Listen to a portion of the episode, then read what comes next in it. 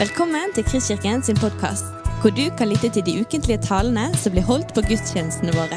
Vi håper denne podkasten vil inspirere og utfordre deg til å kjenne Gud, elske mennesker og tjene vår verden.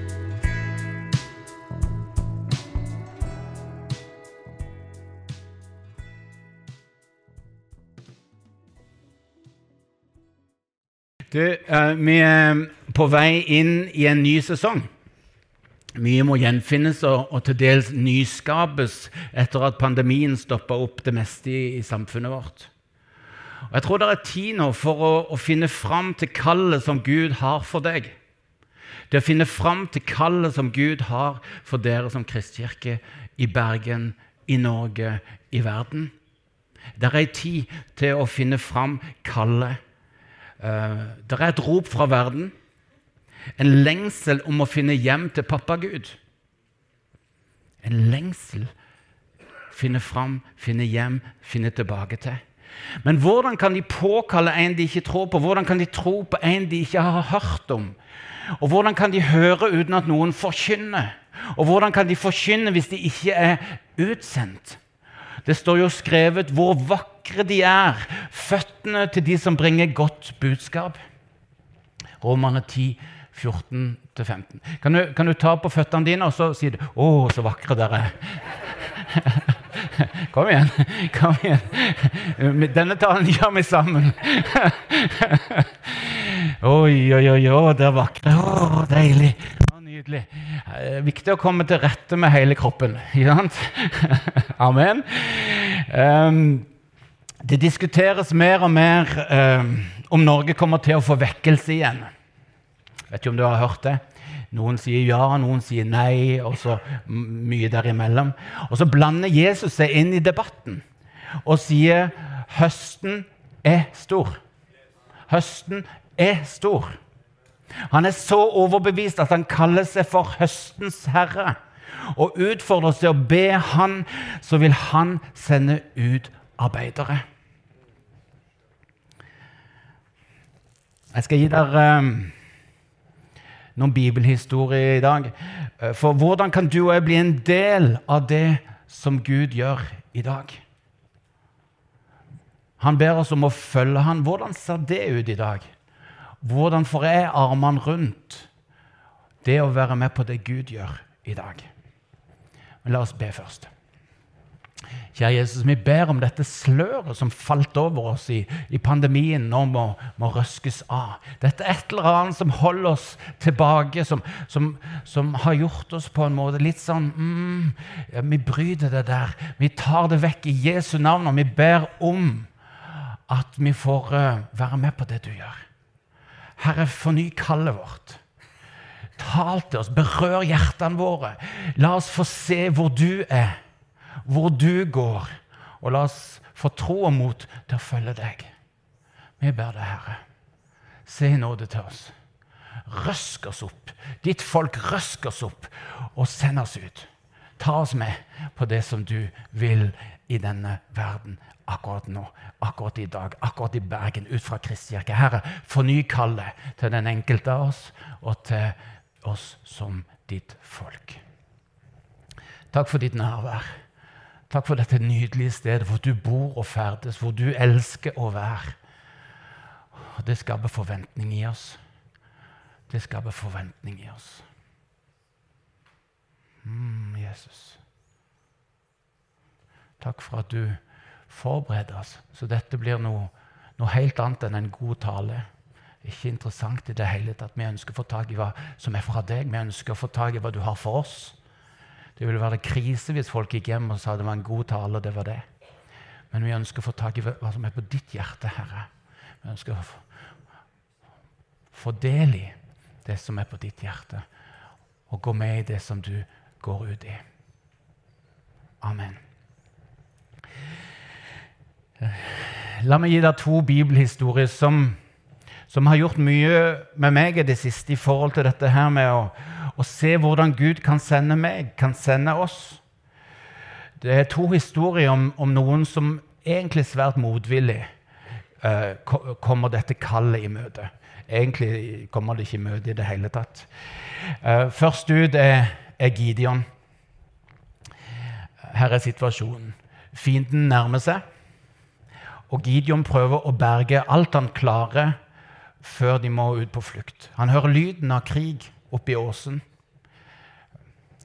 Litt sånn oppe i fjellet her. Så jeg hører lyden. Det, det nærmer seg. Fienden nærmer seg mer og mer.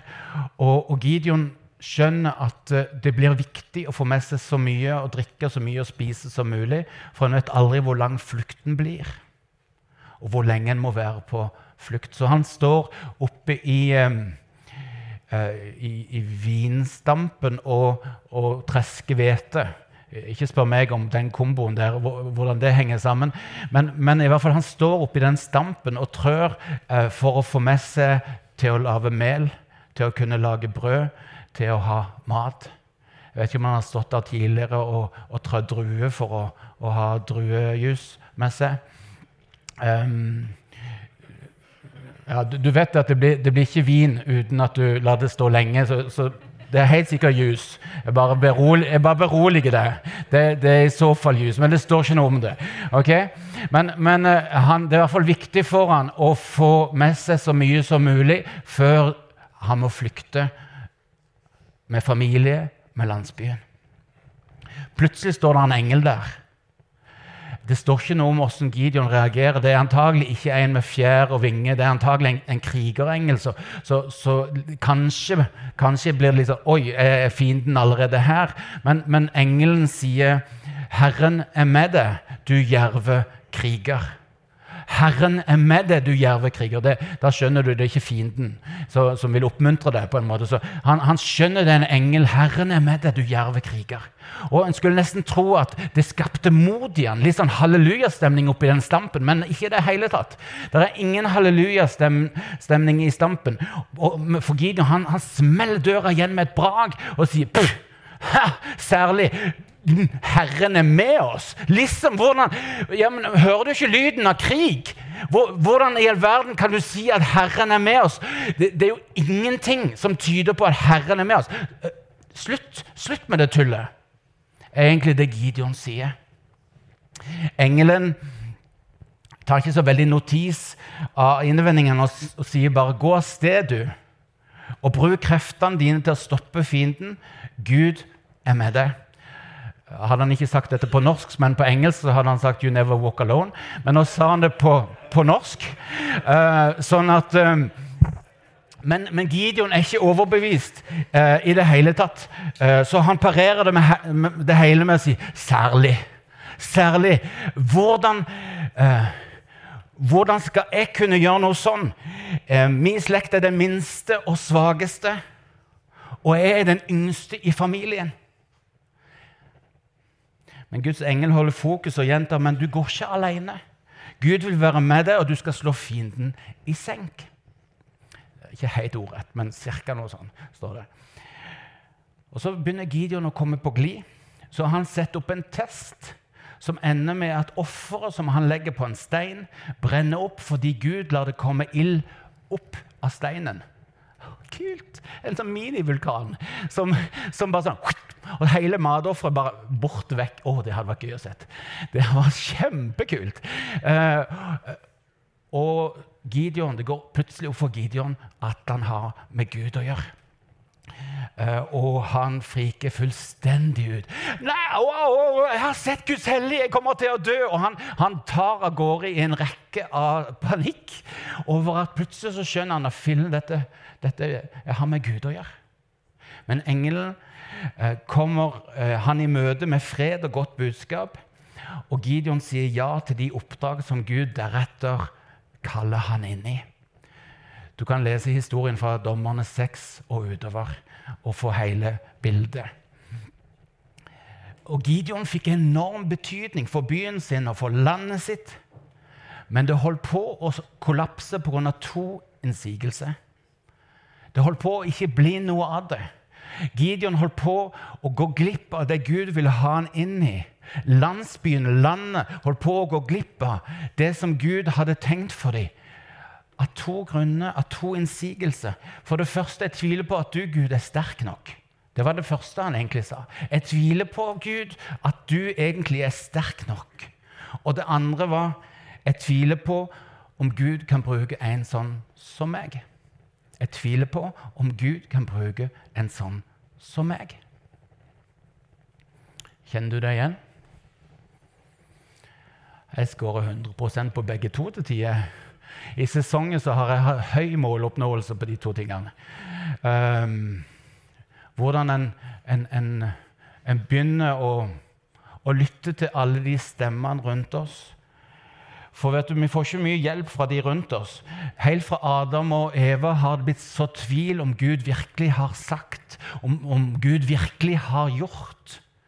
Og vi, vi, kjenner det ennå når vi hører vitnesbyrd. og så, ja, Kanskje muligens at det var litt tilfeldig. Og så, og, så, og så kommer alt dette her som egentlig handler om det samme. Folk rundt oss prøver å sette tvil i oss med hvor var, du, hvor var Gud når, når ulykka skjedde? Hvordan kan du tro på Gud når det, altså, når det er så mye vondt i verden og alle varianter det samme? Og så, og så skapes det tvil om Gud virkelig kan. Og så begynner vi å lytte på det, og så begynner vi å tro på det. Og noen ganger har vi bedt for syke som ikke ble friske. Og jo mer hjerteskjærende, jo mer kan vi sitte igjen med opplevelsen av at Gud ikke kan gripe inn lenger. Det er til og med masse teologer som, som bruker masse bibelvers og setter opp store bind av noen bøker for å forklare at uh, miraklet stoppa med, med, Peter og de første apostlene. Og, og, og, så drar de deler av Guds folk bort fra å tilbe hele Gud.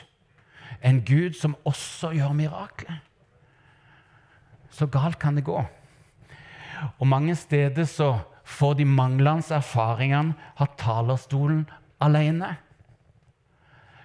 Vi ba og vi ba og vi ba, og så skjedde det ikke. Og så var det ikke noe lederskap som gikk opp og så satte det i kontekst med den verden vi lever inn i, eh, og vi opererer inn i, og et større bilde for å forstå hva som nå skjedde, og hva det ikke betyr, og hva det betyr. Og så får de manglende erfaringene har talerstolen helt alene i veldig mange sammenhenger. Og så kjenner vi jo altfor godt sannheten om oss sjøl, alt vi ikke får til, alle de rare tankene inni oss, alle visse om og menn som taler imot at Gud kan bruke oss til noe som helst, for ikke snakke om forventningspress. Vet du hva? Herlighet skal Har, har Gud òg forventninger? Her er det foreldre eller, eller familie eller ektefelle eller jobb eller skole. Eller, eh, og så Gud òg forventninger til at jeg skal være med og forandre verden eller et eller annet sånt. Jeg takler takler det ikke. Jeg takler det ikke. Det er flott at Gideon er så åpen og ærlig, men det er enda bedre at Gud overhører han fullstendig. For det, dette har ikke noe i regnestykket å gjøre. Det har ingenting i regnestykket å gjøre. For Guds oppdrag baserte seg ikke på Gideons meritte eller mangel på sådan, eller hans sterke tro eller mangel på sådan. Oppdraget var utelukkende basert på at Gud var overbevist om at han var mektig nok til å bruke Gideon. Det, det var det, det, eneste utgangspunktet for det kallet, for det oppdraget. At Gud var overbevist om at han var sterk nok. Er sterk nok til å bruke Gideon. På samme måte som Gud er overbevist om at han er sterk nok til å bruke deg og meg til det han kaller oss inn i. Amen? Det var ikke lov å si her. Vi prøver igjen. Amen? Wow! Beklager lederskap hvis det var å gå litt for langt. Nei da. Tulle. Um, Det er ut fra dette at vi frimodig kan si at vi vil være med på det Gud gjør. Det er ut fra dette at du og meg kan si at jeg vil ha ditt kall, Gud. Jeg vil være med på det du gjør. Hvor enn du går, jeg vil være med. Fordi det baserer seg ikke på deg, på meg, på våre regnestykker. Det baserer seg kun på at Gud er overbevist om at han er sterk nok til å gjøre sitt verk gjennom deg. Wow.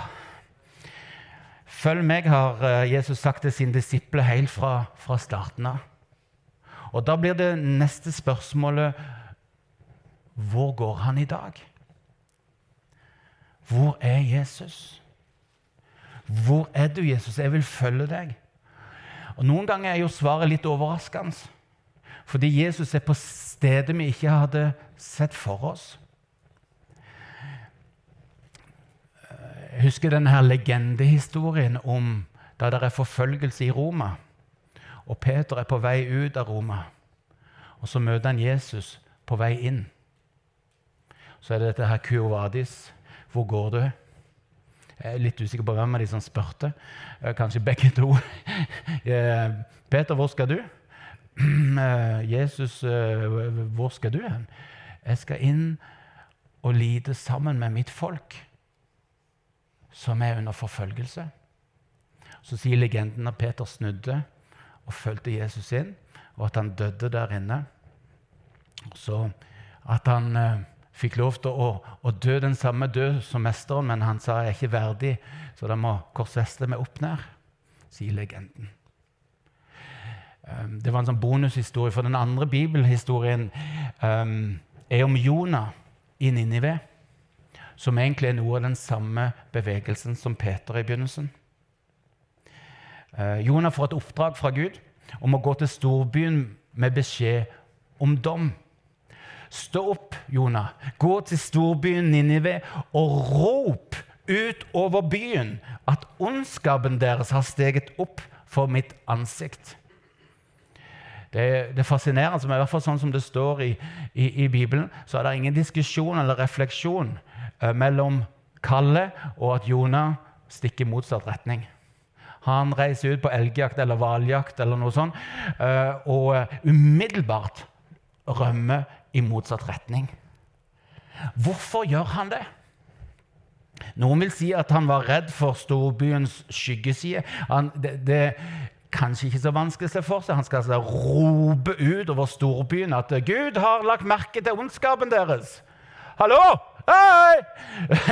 Du, du, ser for deg at eh, det går an å kjenne på at, Hva vil de gjøre da? Vil de banke meg? Vil de drepe meg? Vil de, um, så frykt kan jo være noe av grunnen for at han stikker motsatt. Og vi kan lett kjenne oss igjen fordi frykt er en utbredt måte å holde Guds folk borte fra oppdraget på. Det var verken første eller siste gangen eh, det skjedde. Men en annen teori er om mulig enda mer tankevekkende. Det er teologer i dag som sier for hva hvis Jonah er et bilde på Israels folk, på Guds folk? Og hva om han ikke vil være med på det Gud gjør, fordi han mistenker at Gud kommer til å vise Ninive nåde? Og Gud sier at byens ondskap har steget opp til ham. Og Det betyr at Gud er tett på storbyen. Han har sett, han har hørt folket. Og Jonah er redd for at de vil vende om. Noe de faktisk gjør når Jonah omsider følger Gud inn i byen. Og um, Israel har siden Abraham Guds folk har siden Abraham hatt et løfte over seg om å bli til velsignelse for alle folkeslag. Men langt inn i pinsedagens språkunder sliter Guds folk med å innse at Guds nåde er for alle folkeslag. Vi vet at Gud måtte hente inn Paulus for at eh, den første kirke skulle klare å forstå at kallet var å gå ut i all verden og gjøre alle folkeslag til Jesu disipler. Peter måtte få et syn uh, om å ikke kalle ureint det som Gud kaller rent, før han ville gå til ikke-jøden Kornelius og hans hus. Likevel så virker det som om Peter forblir apostel kun for de omskårne i, uh, i mange tiår etter oppstandelsen, kanskje resten av sin tjeneste. At Gud er i Ninive i dagens Irak er et hån mot Israels selvforståelse av å være de eneste som Gud hadde vist nåde. Og Jonah blir skikkelig sur når Gud, akkurat som han frykta, viste Ninive nåde. For storbyen, når de hører at Gud har lagt merke til ondskapen, sier men du må tilgi. Du må tilgi. Og, og byen vender om. Og, og, og, Gud han har en softspot for folk som ber om tilgivelse. Som vender om, og han tilgir. Og det var for Jonah, og kanskje for Guds folk òg i dag, egentlig et problem høres litt underlig ut. For hvis vi snakker om det sånn i smågruppene våre og skal gi de riktige svarene så, Nei, nei, nei. nei, nei det, sånn er det ikke i, i vår tid. Uh, vi, vi, vi, vil veldig gjerne at alle skal få lov til å finne nåde hos Gud. du kan lese hele historien i Jonas' bok i Gamle testament, men, men spørsmålet er jo hva er vårt Ninive i dag? Hvilke folk ønsker vi egentlig ikke å se Gud vise nåde? Hvilke steder, hvilke folk, hvilke grupper ønsker vi dypest sett ikke at Gud skal vise nåde? Jo da, igjen, hvis vi spør hverandre, så, så, så jo da. Ja, det, det, er klart at alle, alle skal få Guds nåde. Men, men, men det er allikevel ikke noe konsekvens av det eller noe action ut fra det. Og en kan begynne å lure på om kanskje vi ligner en del på Jonah og den første kirke. Kanskje mer enn vi kanskje syntes var så utrolig kjekt. Hvor er det uaktuelt for oss å gå?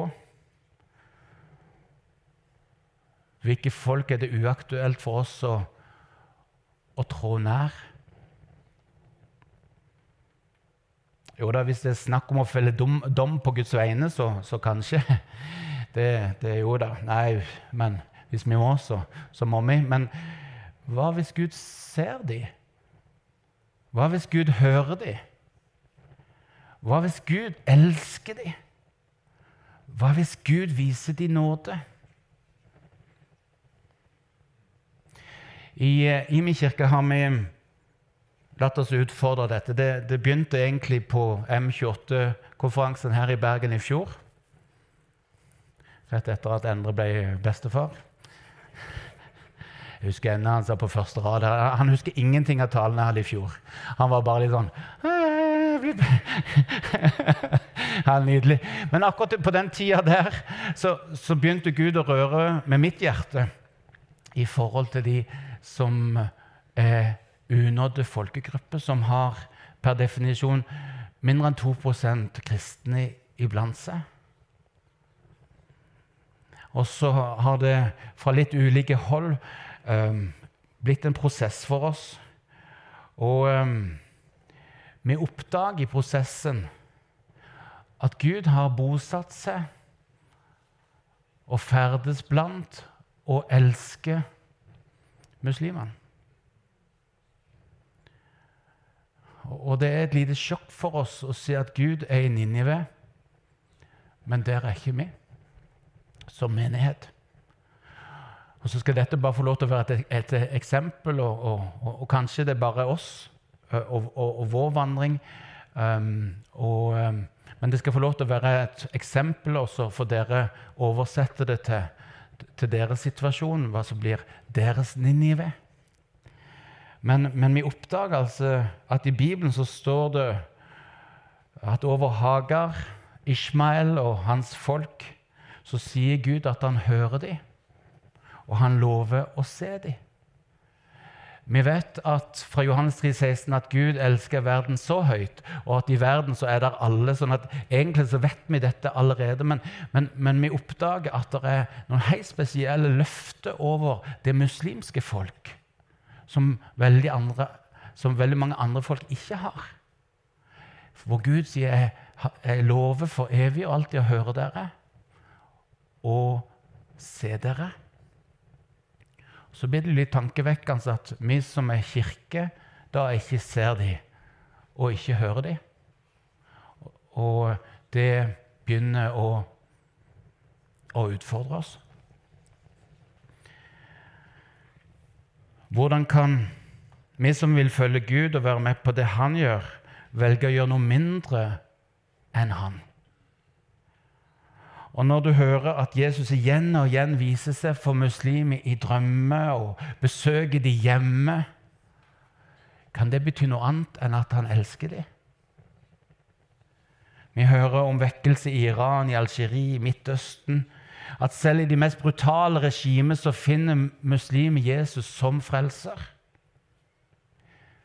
Kan det bety noe annet enn at Gud elsker muslimene? Ble spørsmålet vårt.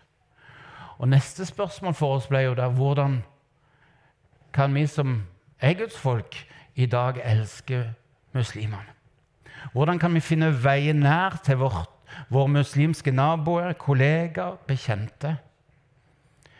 Og, og, For vår del i, i den prosessen så, så, begynner vi i dag eh, en tre måneders taleserie um, på hvordan elske muslimer. For vi innser at vi vil trenge lang tid til å vokse inn i hvordan ser det ut å elske muslimer. Til å ha god tid til å få alt på bordet av hva vi måtte kjenne det gjør med oss. Jeg foreslo at temaserien skulle hete 'Skrekkblanda fryd', men det gikk de ikke med på. Det ble brobygging. Så, men eh, det er i hvert fall et, eh, det var et sånn ærlig tema inni meg. Um, um, men en opplevelse av at det er ikke de som trenger å ta sløret av, men Gud må ta sløret vekk fra mine øyne, så jeg ser hvor høyt Gud elsker muslimene. Så får dere be for oss og heie på oss. Um, en av våre bønner er at vi må få arbeidsro. Det er klart at Vi vet godt om all kritikk som kan finne på å komme. og sånn, ikke sant? Det er vi ganske så vant til. Men, men vår viktigste bønn er at muslimene sjøl i byen vår skal oppleve at det er genuint ønske om å komme nærmere. Og vi tror det vil ha enorm betydning for Norge som samfunn at det ikke blir en enda større kløft, men at Guds folk tar initiativ til å komme nærmere. Og vi tror at Gud vil vise vei. Vi tror at Gud er, og Gud har det vi trenger. Vi erkjenner å starte på null og har nok, som Jon har mest lyst til å flykte. Men da må vi igjen lande i Gideon-historien. For Guds oppdrag er mulig ut fra at Gud er overbevist om at han er mektig nok til at vi finner måte å elske muslimene på sånn som Gud elsker dem. Vi er ikke kalt til å vinne dem, men til å elske dem. Det er utrolig vanskelig for oss å, å skjønne. Vi er så misjonale i skallen at vi, vi må konsentrere oss om å har ha fokus på å elske. Det gjør at de ikke er prosjektet, men de er Guds favoritter som venter på å få demonstrert at Gud er en Gud som er for dem, som ser dem, som hører dem, som elsker dem. Spørsmålet til Peter Kurvadis, 'Hvor går du, Herre?' er nå et viktig spørsmål for oss. Vår vandring i Imi er bare et eksempel. Og Poenget mitt er ikke å si at det må bli deres vandring òg. Men la, la, det, la, det, bli et eksempel som får utfordre. Et veldig konkret eksempel, faktisk. Uh, og det må absolutt bli med oss på vandringer. Med, det er ofte det er enormt viktig at vi ikke blir stående alene i det, men det er ikke poenget. Poenget er hva kaller Gud deg til? Hva kaller Gud dere til som menighet? Hvor er deres Ninive? Uh, hvor er det Gud sier det trenger jo ikke være et vanskelig sted, men det kan være det. Poenget er Gud, hvor er du nå? Hvor er du nå? Um, hvor finner vi Jesus? Og spørsmålet er, Har du funnet Jesus? Da må jeg ha bilde, jeg har illustrasjon her. Uh, har du funnet Jesus? Kommer det her, ja?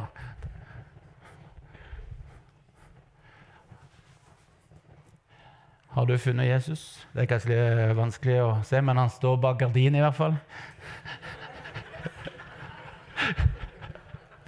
Eh, Det er litt sånn eh, Hvor er du, Jesus? En annen sånn øvelse er eh, Finn Willy. Skal vi si, ja, det, blir ikke lett å finne. Men, men eh, du er sikkert eh, du ser at denne her er lav før pandemien, iallfall.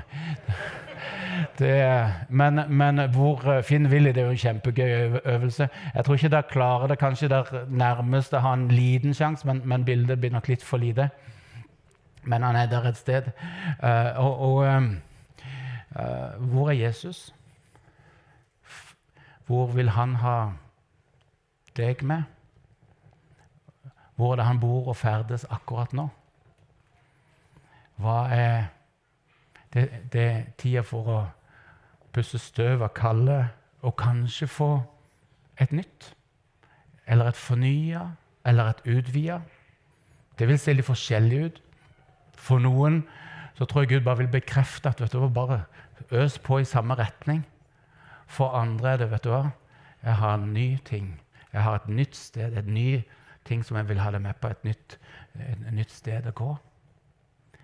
Alle her som vil være med på det Gud gjør. Og spørsmålet er hvor er du?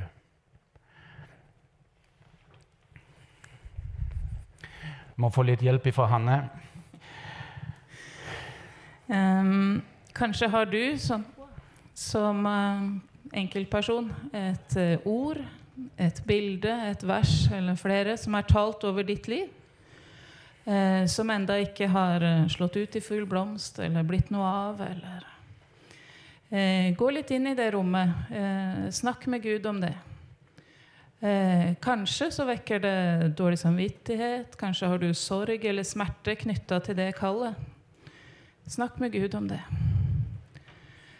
Ehm, kanskje har du drømmer eh, som har ligget der lenge.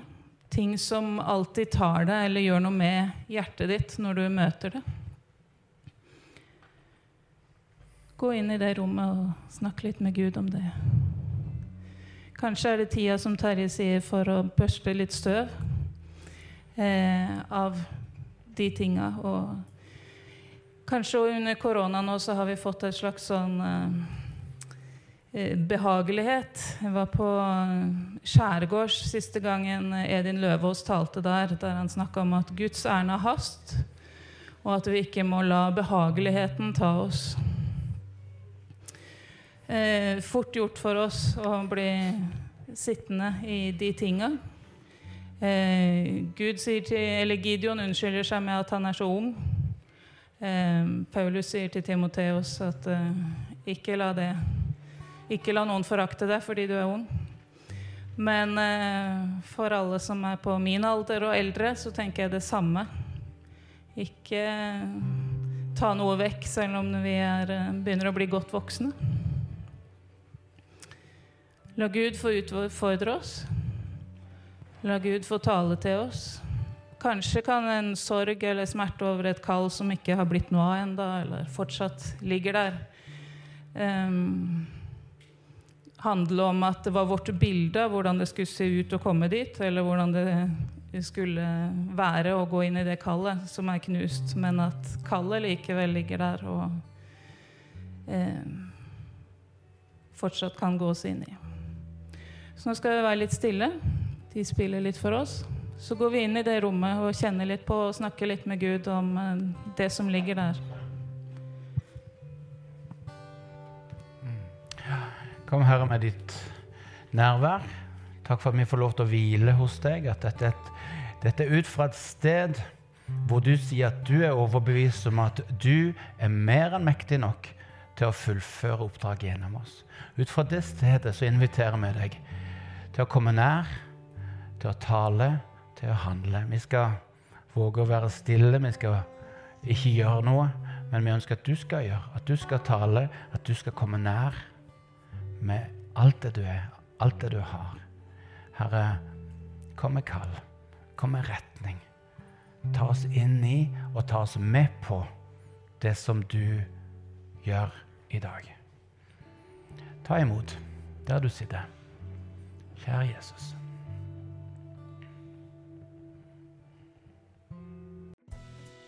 Du har lyttet til en podkast fra Kristkirken i Bergen. Vi håper du har blitt inspirert og utfordret i din vandring med Gud. Vil du vite mer om oss, så klikk deg inn på kristkirken.no.